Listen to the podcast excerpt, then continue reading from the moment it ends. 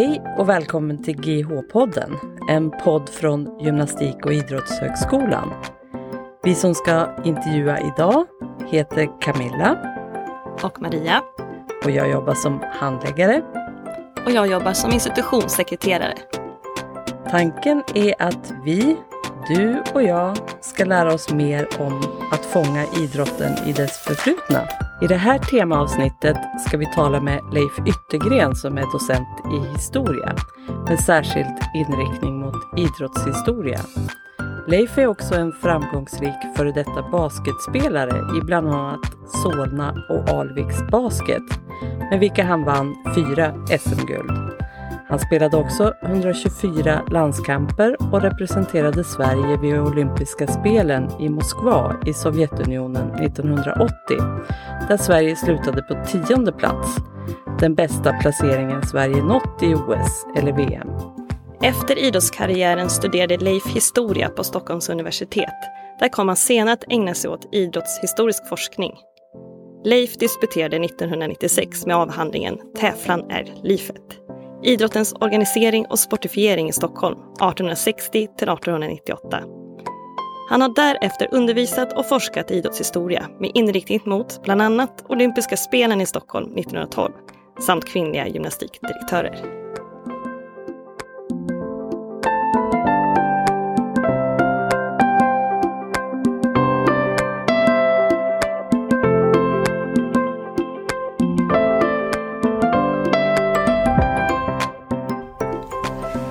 Välkommen Leif till GHs podd. Vi är jätteglada att ha dig här. Tack så mycket. Jag är också glad att vara här. Känns jättespännande och ovant ska jag säga. Vi sitter ju här nu i, man kan ju säga en del av GHs gamla fäktsal. Så man kan nästan känna energin i väggarna här. Med tanke på dagens tema så eh, passar det ju bra att fånga idrotten i det förflutna. Och eh, Leif, du har ju inte bara hållit på med forskning, du har ju också ett förflutet i idrotten. Mm. Bara superkort, hur kom det sig att det var basketen som du fastnade för? Ja, ni ser inte hur jag ser ut men jag är alltså 2,03 lång och jag spelade fotboll i, i Brommapojkarna först och sen en sommar så växte jag typ 14 centimeter och då, då blev jag för lång och för långsam för fotboll och då började jag med basket istället.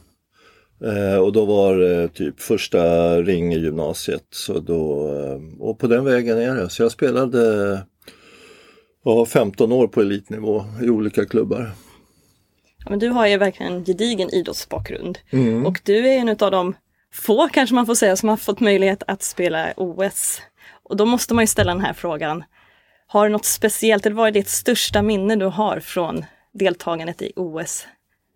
Ja, det, det, det, är märkligt det här med OS för när 1980 som jag var med då i Moskva så tyckte jag inte att det var särskilt märkvärdigt. Jag tyckte att det var, ja, det var kul att se andra idrottare. Men ju längre tiden går från 1980 desto större upplever jag att den, här medverkan var från, eh, basketlandslaget och, och mig själv också. Så det, jag vet inte riktigt, det finns säkert någon psykologisk eh, förklaring till den där upplevelsen men eh, den, stör, den, alltså den största upplevelsen är att jag inte tyckte att det var så stor upplevelse förrän efteråt. När man tittar på ba svenska basketlandslagets eh, vad ska man säga, medverkan i internationella sammanhang så, så är ju det här den främsta medverkan vad jag förstår. Är det någonting, ni, ni som var med, är det något ni har funderat kring? Ja, det har vi pratat mycket om, bristen på, på, på framgångar. Obs, nu pratar vi herrar här alltså. Tjejerna är ju jätteframgångsrika mm. nu och, och otroligt duktiga. Eh, och där har vi någonting på gång. Men eh, jag upplever att konkurrensen är, är, är, så otroligt stor på, på den manliga sidan som gör att eh, basket har väldigt svårt att slå igenom internationellt och vi har bara haft en enda spelare, eller kanske två som har spelat i NBA och som är då den överlägset bästa ligan i basket. Så det, ja, det är den absolut tuffaste bollsporten att slå igenom. En annan fråga kring dig, det är ju hur, hur kom du hur kom du att börja intressera dig för historia och börja studera historia? Mina fördomar säger det är lite udda att komma från idrottsvärlden och, och kasta sig in i historiestudier. Jag har alltid varit intresserad av historia och framförallt läsning och litteratur. Så någonting ska man göra. Så då, när jag började läsa då på universitetet så var det naturligt att läsa historia. När vi ändå är inne och pratar både OS och historia, så du har ju forskat mycket kring just de olympiska spelen. Och det är ju en av våra äldsta tävlingar vi har inom idrotten. Och 1912 var ju Sverige värdland för OS. Och eh, om man ser på hur OS har påverkat eh, svensk idrottsutövande, om man då både tittar på elittävlandet men även för den, vad ska man mm. säga, den gemena människan. Mm. Vad tror du att det har påverkat vår vårt idrottsutövande i Sverige. Den bild som finns är ju att det här var en jättesuccé och att det, det gav massa eh, mera inflytande för idrotten i samhället. Men när både jag och min, min förra handledare Jan Lindroth tittade på det här så upptäckte vi att den bilden behöver nyanseras för antalet nya föreningar, antalet Eh, medlemmar i idrottsrörelsen ökade inte. Så den gav liksom ingen push-effekt när det gäller medlemstal och föreningstal. Däremot om man tittar på institutionella saker som eh, efter OS 1913 så kom det första statsanslaget. Alltså idrotten blev mer accepterad i samhället.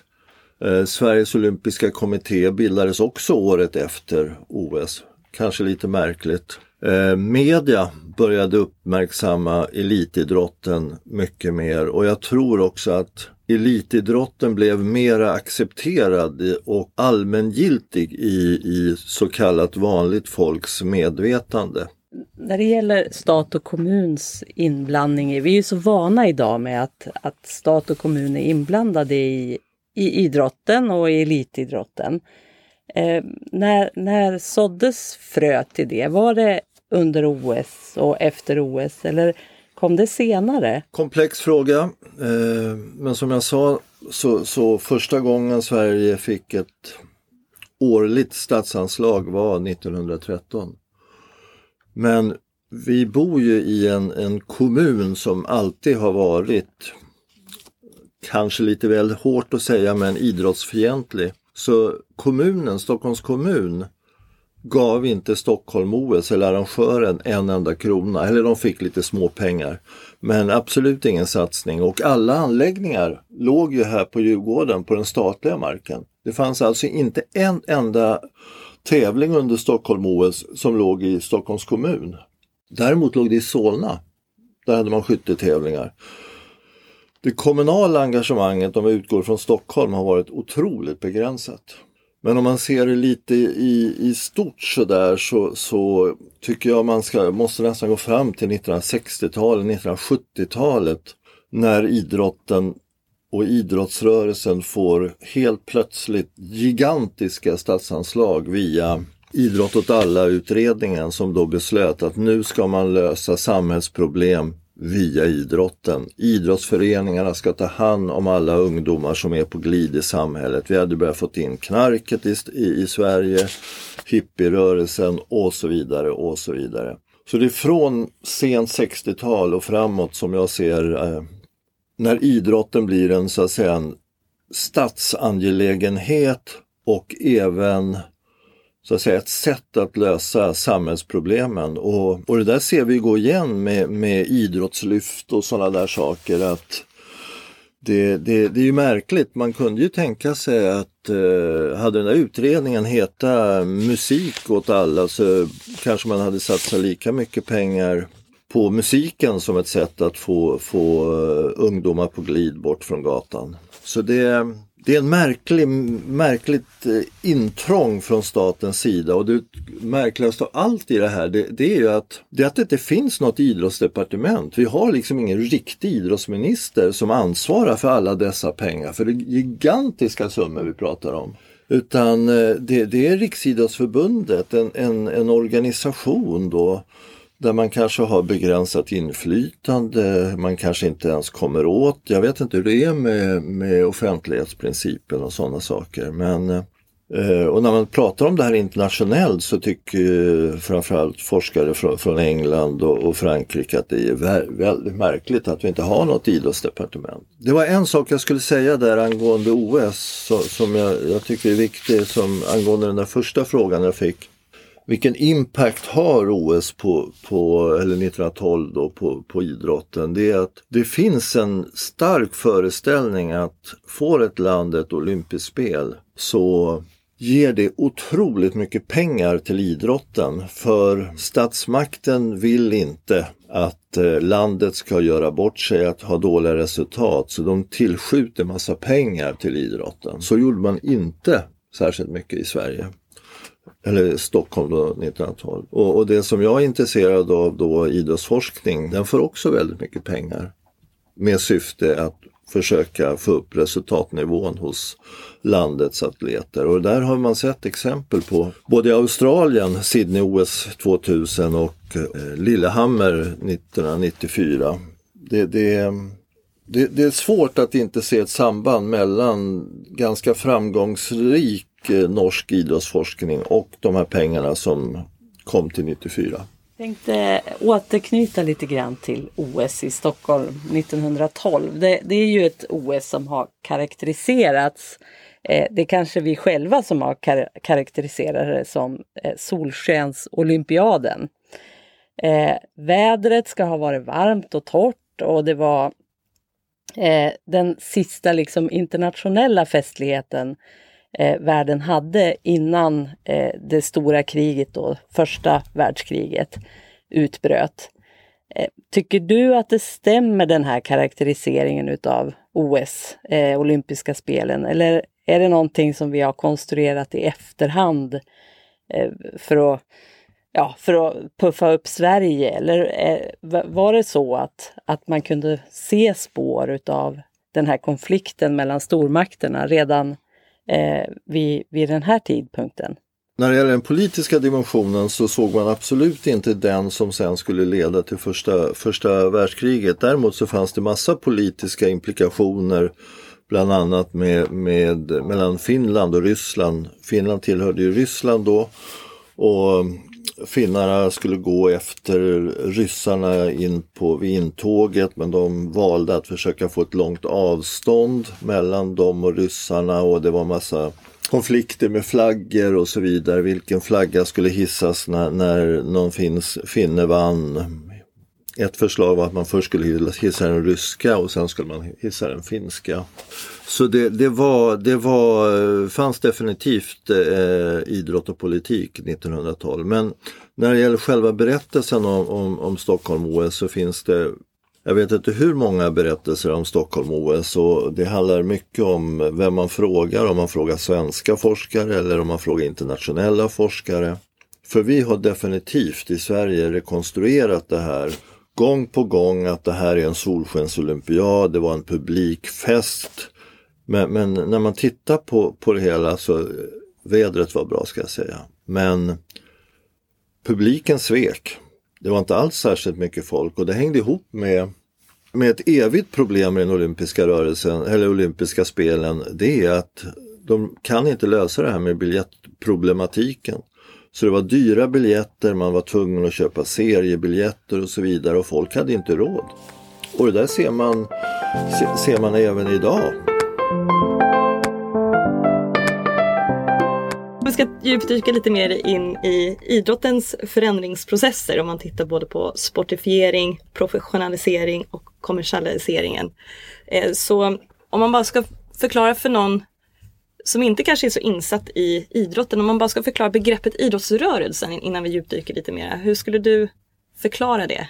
Ja, det kanske inte är så där lätt som man kan tro. Det här med bara att definiera begreppet idrott är jättesvårt och definiera begreppet sport är också svårt. Och är idrott och sport samma sak eller är det två olika saker med olika betydelser? Men eh, när, när jag undervisar så brukar, får jag den här frågan vad är idrottsrörelsen och då brukar jag göra det enkelt för mig och säga att det, det är den föreningsorganiserade idrotten.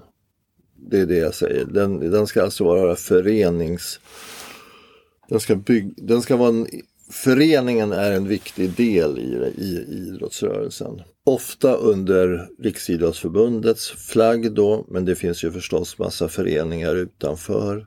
Svår fråga, stor fråga och den går att problematisera fram och tillbaka.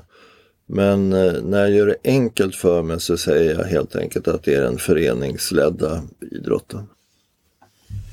Men om vi ska återknyta till kanske framförallt till din forskning så skulle vi vilja ställa några frågor kring tävlandet och tävlandets plats inom idrotten.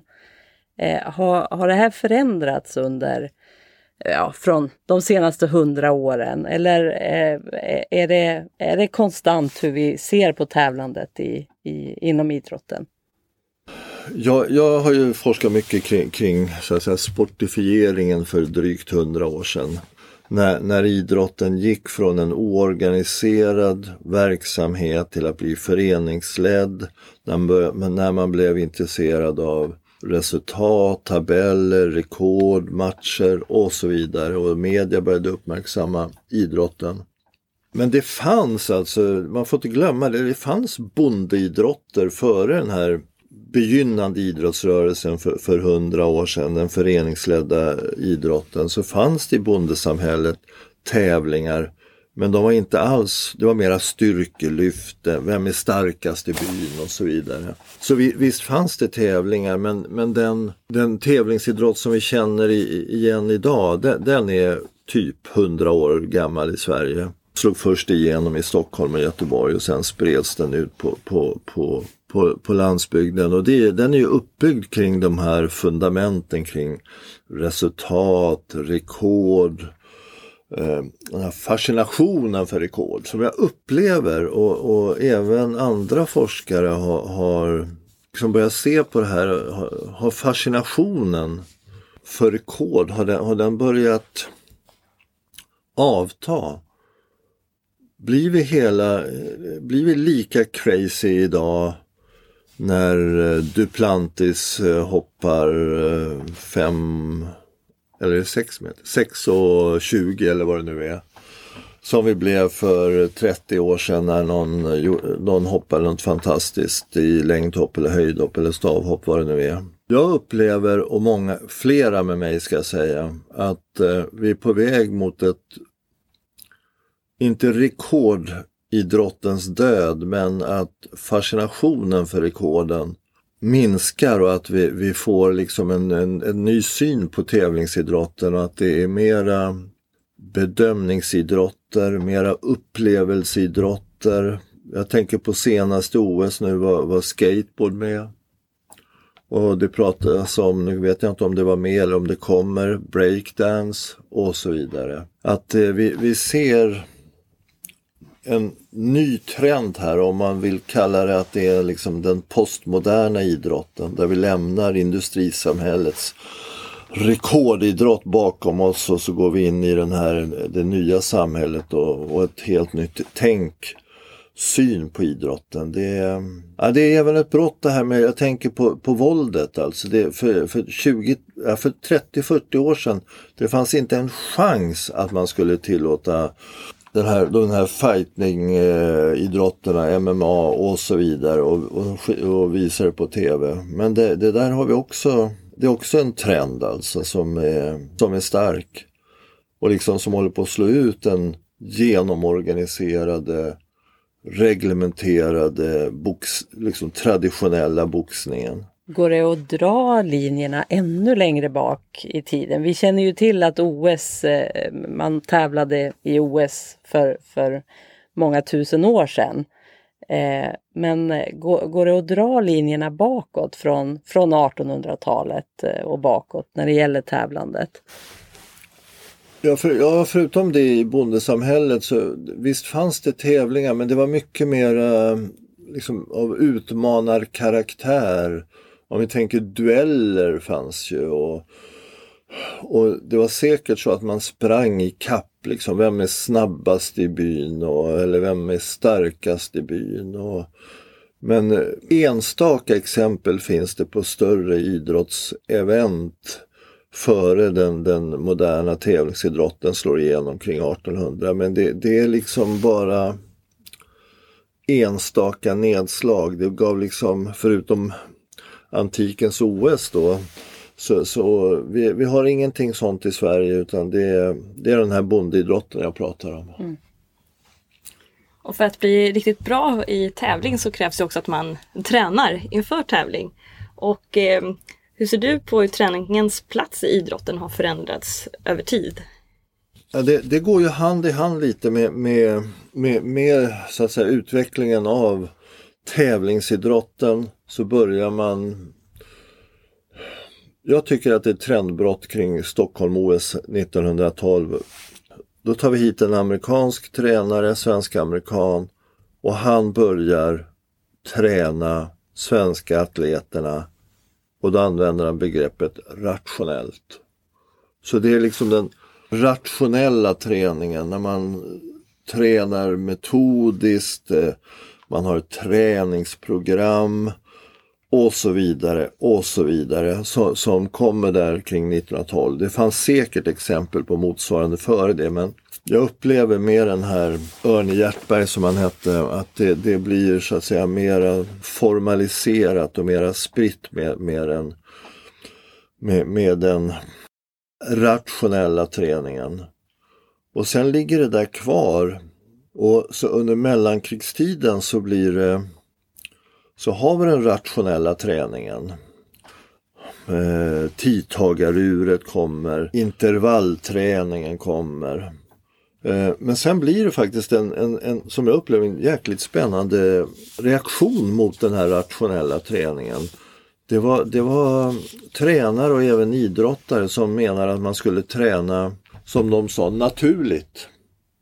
Man skulle ut i skogen och springa. Man skulle använda terrängen på ett annat sätt. Man skulle inte vara på, på löparbanorna och så vidare.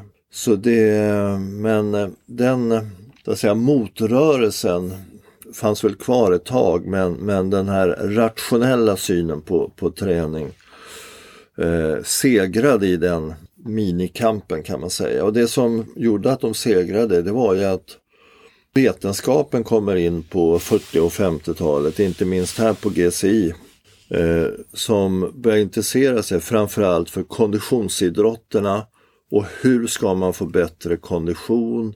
Hur ska man prestera bättre? Hur ska man orka mera? Och då har vi, får vi här på 50-talet fantastiska forskare med, med P. Åstrand, Saltin med, med flera. Björn Ekblom förstås också.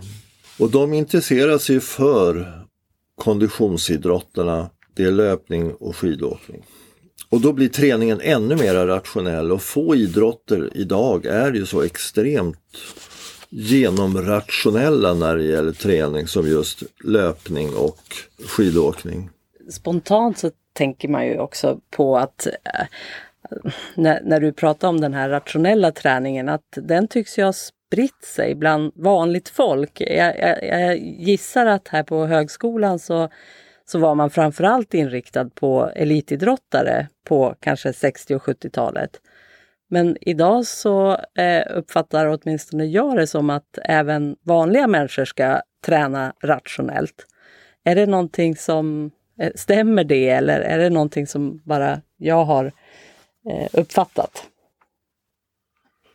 Jag tror hela den här trenden som du är inne på med, med, med personlig tränare, det, det, det ligger ju en slags rationalitet i det. Men vad jag glömde säga är att jag och många forskare med mig helt har glömt bort när vi pratar om den här rationella träningen. Det är att vi före den moderna tävlingsidrottens genombrott, sent 1800-tal, början på 1900-talet och sen när den här rationella träningen kommer, så har vi träning som utgår från GH, GCI, nämligen linggymnastiken, som ansågs vara rationell. Med sina, sen en systematisk träning på hur man skulle så att säga, få en starkare kropp och där både kvinnor och män var med. Och den levde ju kvar här långt in på 1900-talet med, som ett alternativ till den här rationella träningen i tävlingsidrotten. Så fanns det en rationell de kallar det inte träning, de kallar det övningar, inom linggymnastiken. Vilka är det som idrottar egentligen och vad är, det för typ av personer som drar sig till idrottsutövandet? Jag har ju tittat själv mycket på det där. Jag, ty jag, tycker det är intressant med idrott och klass. Och man kan säga att forskningen är, är, är överens om att när den här moderna idrotten, föreningsidrotten slår igenom sent 1800-tal, början på 1900-talet så är det en specifik kategori och då är unga män ur lägre medelklassen, medelklassen eh, som är framförallt dras till idrotten. Och sen när eh, kvinnorna fanns med men inte i tävlingsidrotten, väldigt lite i föreningsidrotten men de fanns i linggymnastiken. Sen när eh, under mellankrigstiden när eh, arbetarna får åtta timmars arbetsdag, de får två, två veckors semester och så vidare, så kommer arbetarklassen in på allvar. De fanns tidigare också, men från mellankrigstiden så ansluter sig med arbetarklassen i hög utsträckning till, till, till idrottsrörelsen. Och de börjar spela fotboll. Fotbollen blir arbetarklassens sport. Och det är från Allsvenskan tror jag drar igång 1924 och det är arbetarkillar både på plan och på läktaren. Sen trycker jag mig se att det stora genombrottet för, för kvinnorna är som i hela den här jämställdhetsdebatten spiller över även på idrotten så 60-70-talet ser jag som ett genombrotts, två genombrottsdecennier för, för, för kvinnlig idrott. De börjar spela fotboll begränsad utsträckning men något slags trendbrott där på 60-70-talet. Och nu ser vi ju att eh, kvinnoidrotten håller på, på att ta över helt, framförallt på den yttersta tävlingsidrotten där kvinnorna är betydligt bättre i de flesta idrotter än, män, än de svenska männen ska jag säga. Så det, det har skett stora förändringar och idag vilka som håller på med idrott, jag, jag vågar inte svara på det men det känns som att vi, vi eh, är tillbaka till där vi var för hundra år sedan. Att den här, hela den här gymkulturen, joggingkulturen, fitnesskulturen är en eh, medelklassföreteelse mer än att det går hem bland industriarbetarna. Men det, det där har jag ingen eh, forskning på men jag har en känsla.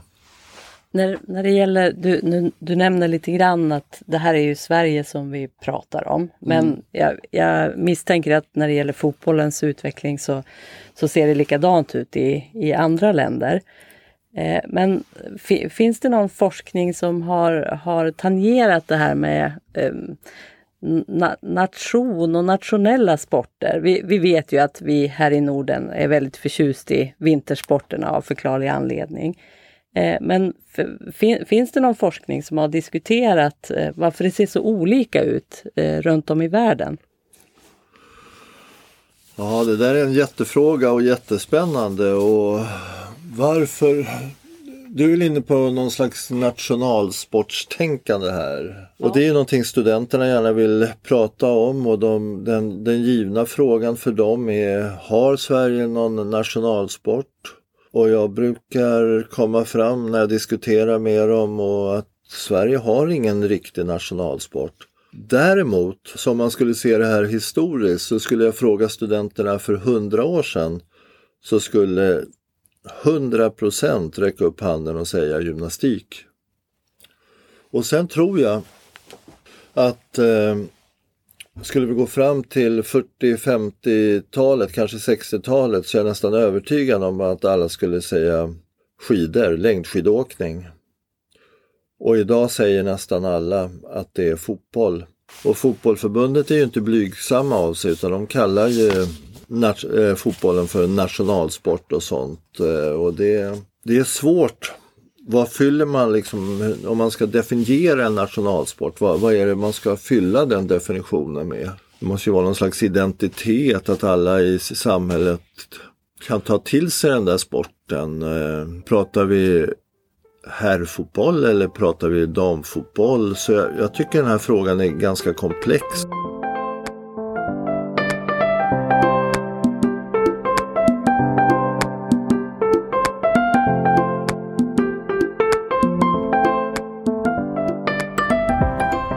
Om, om, vi går tillbaka nu till, till den plats vi befinner oss på nu, GH, så är ju det ett lärosäte där vi utbildar bland annat idrottslärare, hälsopedagoger, tränare med mera. Och idag kan man ju faktiskt studera till de här yrkeskategorierna på flera olika ställen i Sverige. Men eh, inte allt för länge sedan ändå så fanns det ju bara ett eh, ställe man kunde utbilda sig till, bland annat idrottslärare. Och det var GH, eller GCI som det kanske hette då. Berätta lite hur lärosätets roll har utvecklats och speglat både studenter och forskare här då under GCI-tiden och sen vidare fram till GH. Ja, det, det är en stor fråga det där men eh, bra fråga. GCI grundades 1813 av, av Ling och första 30-40 åren så var det väldigt begränsad verksamhet. Eh, man kan knappt prata om någon slags verksamhet. Men sen på 1860, 1870, 1880-talet då, då skjuter det fart och det som är glädjande här och här går GCI faktiskt lite i bräschen det är att från 1864 så antar man kvinnliga studenter och när man sen då har möjlighet att bli, bli gymnastikdirektör från 1887 så blir både männen och kvinnorna gymnastikdirektörer, de som har klarat av de olika kurserna. Och det, det som, eh, när man ser på forskningen om, om GCI och även den som går fram på GH, det är att man, man har fokuserat mycket på den, på den pedagogiska gymnastiken på lärosätet. Den som utbildade idrottslärare eller gymnastiklärare på den tiden. Men, men GCI var över hundra år så var det framförallt ett, ett institut för utbildning av sjukgymnaster. Så nästan alla de här kvinnorna som jag har skrivit en hel del om, de arbetade som, som, som eh, sjukgymnaster. Och inte bara i Sverige utan även internationellt. Och hade, många gånger var de egna företagare och gjorde fantastiska, eller hade fantastiska karriärer. Och en del arbetade både som sjukgymnaster och, och gymnastiklärare för att kunna försörja sig. Så det, det, det, det var den här stark sjukgymnastisk inriktning. Och det är därför vi fortfarande har det här fysiologiska och anato anatomin ligger kvar här på, på GH. Det var, det var en vikt, jätteviktig del i, i, i eh, kurserna för studenterna. Eh, även på den här tiden. Sen händer en dramatisk sak. Det, det är att KI tycker inte att utbildningen ska ligga här, Karolinska institutet. Så 1934 så börjar man flytta över sjukgymnastutbildningen till KI. Och det är liksom ett, ja, det är ett dramatiskt brott. För helt plötsligt de kvinnorna som går här, framförallt kvinnorna pratar jag om nu, de eh, tappar en försörjningsmöjlighet. De kan bara jobba som eh, gymnastiklärare. Männen som många gånger eh, var militärer, eller nästan alla var militärer, deras utbildning flyttar också från GCI till Karlberg och deras idrotts, idrottsskola, tror jag den heter. Så GCI tappar här på 30-talet både sjukgymnasterna till KI och militärerna till, till eh, Karlberg. Så här är det ett jag upplever som ett, ett en, liksom en vattendelare i GSIs historia att fram till 30-talet är GSI världsledande. Det kommer folk från hela världen till, till GSI för att titta på linggymnastiken, lära sig linggymnastiken, ta med sig linggymnastiken hem. Samtidigt som GSI-studenter åker ut i världen och undervisar i linggymnastik, arbetar som sjukgymnaster, startar sjukgymnastiska institut och så vidare. Men efter 30-talet så blir det ett slags tomrum och det blir inom citattecken bara utbildning för män och kvinnor till, till gymnastiklärare. Och här tappar då GCI lite, eller mycket, av sin internationella status. Fortfarande stark status nationellt för det är det enda lärosätet där man utbildar eh, gymnastiklärare, idrottslärare. Så det, det, jag kan inte nog trycka på den här dramati, det, det dramatiska 30-talet här. Och vad som händer här också det, det är att linggymnastiken tappar sin roll. Man börjar ifrågasätta eh, linggymnastikens funktion och om den är vetenskaplig och så vidare. Parallellt med det här så kommer idrotten och idrottsrörelsen, sporten kommer in och, och det på något, på något sätt tar över mer och mer på, på utbildningen på, på GH eller på GCI som det fortfarande hette och börjar konkurrera ut gymnastiken från GCI. Så det, det är mycket som händer här 30, 40 och 50-tal och vad som händer sen på 50-talet det är att vi får den här som jag varit inne på lite tidigare en stark fysiologisk forskning. Jag måste bara ställa en eh, fråga när man kallar sig för gymnastikdirektör. Som, jag är själv utbildad lärare i idrott och hälsa här från Gymnastik och idrottshögskolan. Eh, varför försvann begreppet idrottsdirektör? Eh, det borde jag veta men det, det gör jag faktiskt inte. Men jag har tittat lite på varför det introducerades för 150 år sedan nästan. 140 kanske det är. Eh, och det hänger ihop med det här med, med sjukgymnastiska inslaget att många av de här sjukgymnasterna som gick på GCI, de startade egna institut där de själva ägde institutet och därmed blev de direktör. Min tes är att de så att säga att gymnastikdirektör hängde ihop med att de ägde egna institut. Och när då hundra år senare, 1977 eller när det nu var, man tar bort eh, gymnastikdirektörtiteln så har den helt enkelt, den, den, den har ingen funktion längre. Eh, mer än att den var definitivt en, en eh, statussymbol och eh, gav yrket, tror jag, en, en starkare legitimitet än det lite utvattnade idrottslärare. Kan du berätta lite grann om varför kvinnorna på, på, bland studenterna här på eh, GIH, varför de fick två examen? Du nämnde lite grann tidigare att, eh, att de eh, eh, förlorade den här rätten på 30-talet. Mm. Nej, men de, de kunde alltså vilket var fantastiskt då för, för de här kvinnorna. De, de fick dels en, en, en examen efter två år i, som gymnastiklärare och de fick också examen till att, att eh, verka som sjukgymnaster. Och de som hade knapert ställt, de jobbade med, med både och.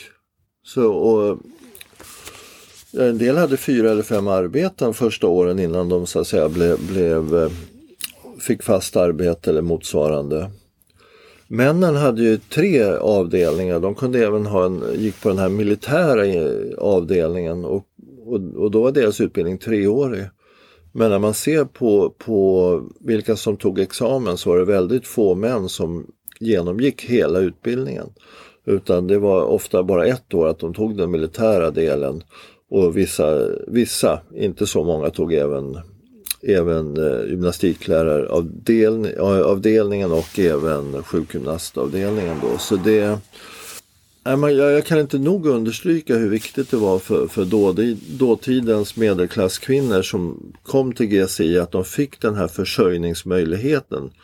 De kunde alltså försörja sig själva och inte vara beroende av någon man eller, eller något, någon pappa eller motsvarande utan de kunde stå på egna ben. Så det, det så, så GSIs roll där i så att säga slags jämställdhetsarbete det, den, den har inte lyfts fram tycker jag tillräckligt i tidigare forskning.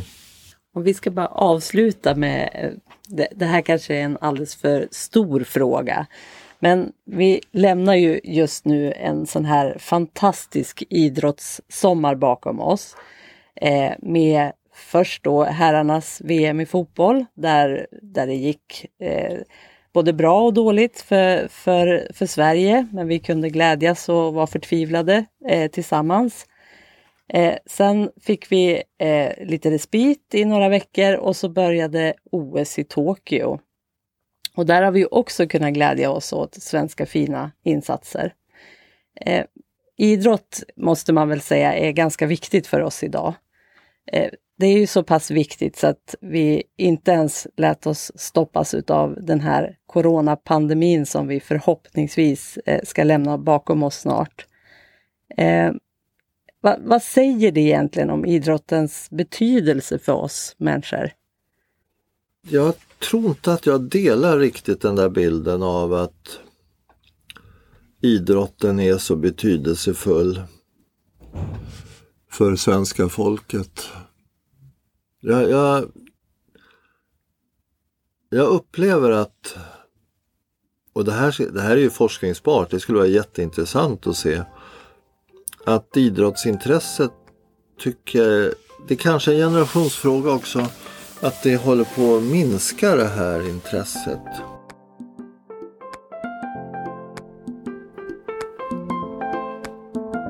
Stort tack Leif för att du har varit med i GHs podd och tagit oss igenom idrotten i dess förflutna. Vill du läsa mer om Leifs forskning så kan du gå in på GHs hemsida. Nästa vecka är Kalle tillbaka med de vanliga avsnitten från GH-podden. Varmt välkommen att lyssna då.